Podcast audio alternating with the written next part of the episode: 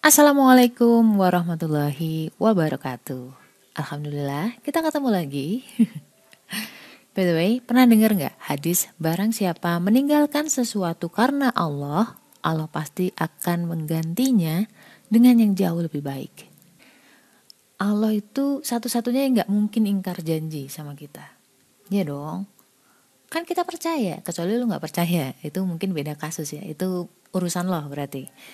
Nah gue mikir nih, ganti dari Allah itu kayaknya apa ya gaji atau pekerjaan yang jauh lebih lebih baik gitu dari yang aku tinggalin kan? Dulu kan mikirnya gitu tuh. Ternyata asumsiku itu tuh tidak sepenuhnya benar. Wait wait wait. Jangan emosi dulu saudara-saudara. Tunggu sampai episode kali ini kelar dan insya Allah di situ kita akan menemukan hikmahnya. Hai kenalin aku Ria. Kalian lagi ada di podcast self healing Berdamai dengan luka melalui psikologi Islam. Kebetulan kamu lagi ada di series The Taubat Adventure, yang mana ini adalah sharing pengalaman pribadiku, taubat dari lembaga ribawi. Jadi aku berharap dengan sharingku kali ini, seenggaknya kamu gak akan ngerasa sendirian di jalan itu, oke? Okay? Tapi please jangan suruh aku ngulang dari episode awal karena ini udah sampai episode 5 nih, ya nggak? Intinya nih ya, di episode sebelumnya kita udah sampai pada titik hijrah riba dengan tantangan keuangan, ya. Apakah hijrah riba jadi miskin gitu kan judulnya. Intinya ya, kita tuh bakal dicuci dulu. Jadi setelah resign kita bakal dicuci, mengkonsumsi harta yang panas itu udah bertahun-tahun. Wajar dong kalau dicuci ya nggak udah ibarat kata kayak debu, daki udah sampai tebel banget 5 cm kan susah juga kan harus nyuci dulu. Memang sakit tetapi ingat bahwa Allah nggak pernah ninggalin kita di saat itu. Justru ketika itu Allah itu berasa banget ada di dekat kita di hati kita. Ketika dicuci tuh kita akan dilepaskan dari perasaan bergantung kepada penilaian manusia atau pengakuan manusia dan juga terlepas dari ketergantungan terhadap gaji atau juga harta Nah, sesuai janjiku kemarin nih, episode ini bakal ngobrolin hal yang mungkin akan mind blowing banget. Hadiah dari hijrah itu sendiri. So, insya Allah ini akan lebih menenangkan kalian. Kurang lebih tuh satu setengah tahun aku dicuci. dicuci itu artinya bukan kekurangan, tapi dijadikan cukup untuk hidup sehari-hari. Gak akan mungkin Allah coba kita atau uji kita melebihi dari kemampuan kamu. Dan gak mungkin Allah memiskinkan atau membangkrutkan kita, enggak. Seriously. Kita akan tetap uh, apa ya, dicukupkan untuk hidup selama kita memang ditakdirkan untuk masih hidup di dunia ini. Misalkan kayak nggak bisa beli skincare, nggak pakai skincare kan lo masih tetap bisa hidup. Lo nggak bisa belanja online dari Shopee, kamu masih bisa hidup juga kan, masih bisa makan kan nggak bisa buka Instagram nggak bisa beli paket data tuh masih bisa hidup gitu loh. Karena memang dalam kondisi kayak gitu tuh kayak cuman ada Allah di hati lo. Kalau misalkan lo hilangin Allah bisa-bisa kamu hilang akal sehatnya. Nggak ada yang nguatin beneran. Itu sampai otak tuh udah macet gitu loh. Nggak bisa diajak kompromi kalau bukan karena yakin bahwa tenang Allah pasti bantu gitu loh. Allah pasti bantu tapi kalau boleh jujur, gue tuh pernah marah sama Allah sampai keluar kalimat gini, ya Allah, sebenarnya apa sih yang kau mau? Aku dari resign nih sesuai dengan perintah engkau. Itu kenapa rasanya susah banget? Jadi waktu itu aku masih fokus bahwa uang adalah solusi dan solusi adalah uang. Dan itu sebenarnya tujuan dari pencucian itu adalah itu, terlepas dari keterikatan itu, keterikatan dari pengakuan manusia atau penilaian manusia, dan juga keterikatan terhadap harta atau uang. Jadi hilangkan semua solusi sama dengan uang, solusi sama dengan bantuan manusia. Satu-satunya yang harus lu fokusin adalah Allah. Insya Allah setelah lu paham itu, itu kehidupan akan lebih enteng, solusi mulai keluar, eh kelihatan. Serius, cuma dulu kan gak ada yang ngasih tahu ya. Ya nyari-nyari sendiri gitu loh. Nyari hikmahnya sendiri. Jadi berasa berat aja waktu itu. Aku langsung istighfar nggak berapa lama. Karena ih kok nggak sopan banget ya aku sama Allah? Aku pun nggak mungkin ngomong kayak gitu di depan orang. Karena apa? Itu kayak kesannya nggak tahu diri gitu loh Ya lu masih bisa hidup, lu masih, masih bisa makan, masih bisa bareng-bareng sama anak-anak lo, dikasih kesehatan. Orang lain mungkin butuh skincare, eh, orang lain mungkin butuh skincare jutaan untuk merasa percaya diri, lu enggak. Lu cukup pakai sabun cuci muka udah ngerasa tenang, ayem gitu kan. Itu juga rezeki kan. Dan itu kayak kenapa sampai hilang begitu aja dari uh, otak gue gitu. Malah protes sama Allah.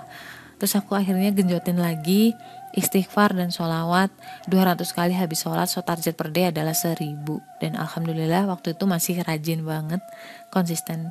Minimal waktu itu 30 hari berturut-turut gue nggak pernah putus even aku lagi mens. Dan sampai pada titik aku berdoa ya Allah ini benar-benar tulus dari hati bukannya aku mau nyogok Allah gitu nggak ya? Jadi aku tuh intinya uh, aku malu atau sungkan tuh menjadi posisi yang selalu menerima bantuan orang. Seenggaknya nggak ngerepotin orang lah gitu loh. Tapi memang kalau misalkan Allah masih menakdirkan aku di posisi menerima sebagai yang menerima aku minta tolong untuk dikuatin. Logikanya ketika lo ngasih ke orang lain atau uh, berada di posisi memberi itu tuh karena Allah menakdirkan kamu ada di posisi di atas bukan sesuatu yang bisa disombongin. Kamu dimampukan dan digerakkan hatinya sama Allah gitu dan sebaliknya ketika lo masih berada di posisi di bawah ya itu karena memang Allah sedang menakdirkan kamu ada di posisi itu. Sabar. Sabar dulu gitu. Nanti ada waktunya. Yang penting Allah menguatkan kamu. Aku sempat minta uh, ya Allah aku tolong kasih kerjaan dengan gaji sekian juta which is itu gede gede banget. Mungkin tiga kalinya UMK kalau kalau di wilayah ini. Dan walaupun itu masih di bawah gajinya bank pengen hidup merdeka dari hutang lah intinya.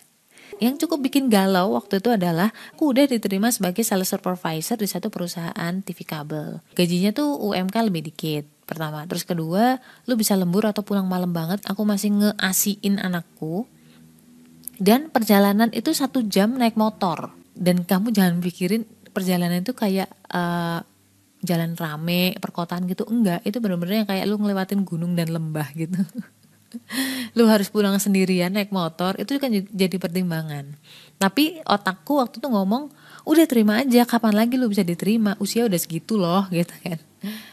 Hatiku bilang tapi kok rasanya berat ya? Malam sebelum aku berangkat training aku berdoa sama Allah agar minta petunjuk. Begitu paginya udah siap-siap nih udah mandi pagi dan alhamdulillah anakku tuh dua-duanya sakit. Panas mendadak panas galau di situ akhirnya aku memutuskan untuk mengikuti hati nurani dan mengesampingkan logika akalku sendiri. Which is waktu itu prinsipku adalah anak adalah tanggung jawab atau prioritas utama dalam hidup aku. Karena itu kan tugas yang dikasih Tuhan ke aku ya. Kemudian berpikir lagi bahwa rezeki itu udah sudah Allah atur. Tenang aja. Mungkin tawaran ini aku tolak bisa jadi nanti ada bantuan lain dari Allah asalkan niatnya memang karena Allah ya. Banyak tawaran-tawaran yang aku nggak bisa terima gara-gara bertentangan dengan hati nurani termasuk sama uh, jam kerja anak gitu ya. Akhirnya aku nyemplung di perusahaanku yang sekarang. Ini adalah perusahaan Jepang. Baru baru buka di Indo. Wawancara bolak-balik ke Semarang Jakarta Semarang. Pokoknya luar kota lah gitu kan. Logikanya tuh kayak lu nggak punya duit kan? Kenapa lu bisa ke sana? Itulah aku juga heran gitu pas training aku nggak bisa pisah sama anak karena aku masih asik. Hidup di apartemen dengan nilai hampir 10 juta per bulan. Lu nggak punya duit segitu tapi dapat rezeki segitu.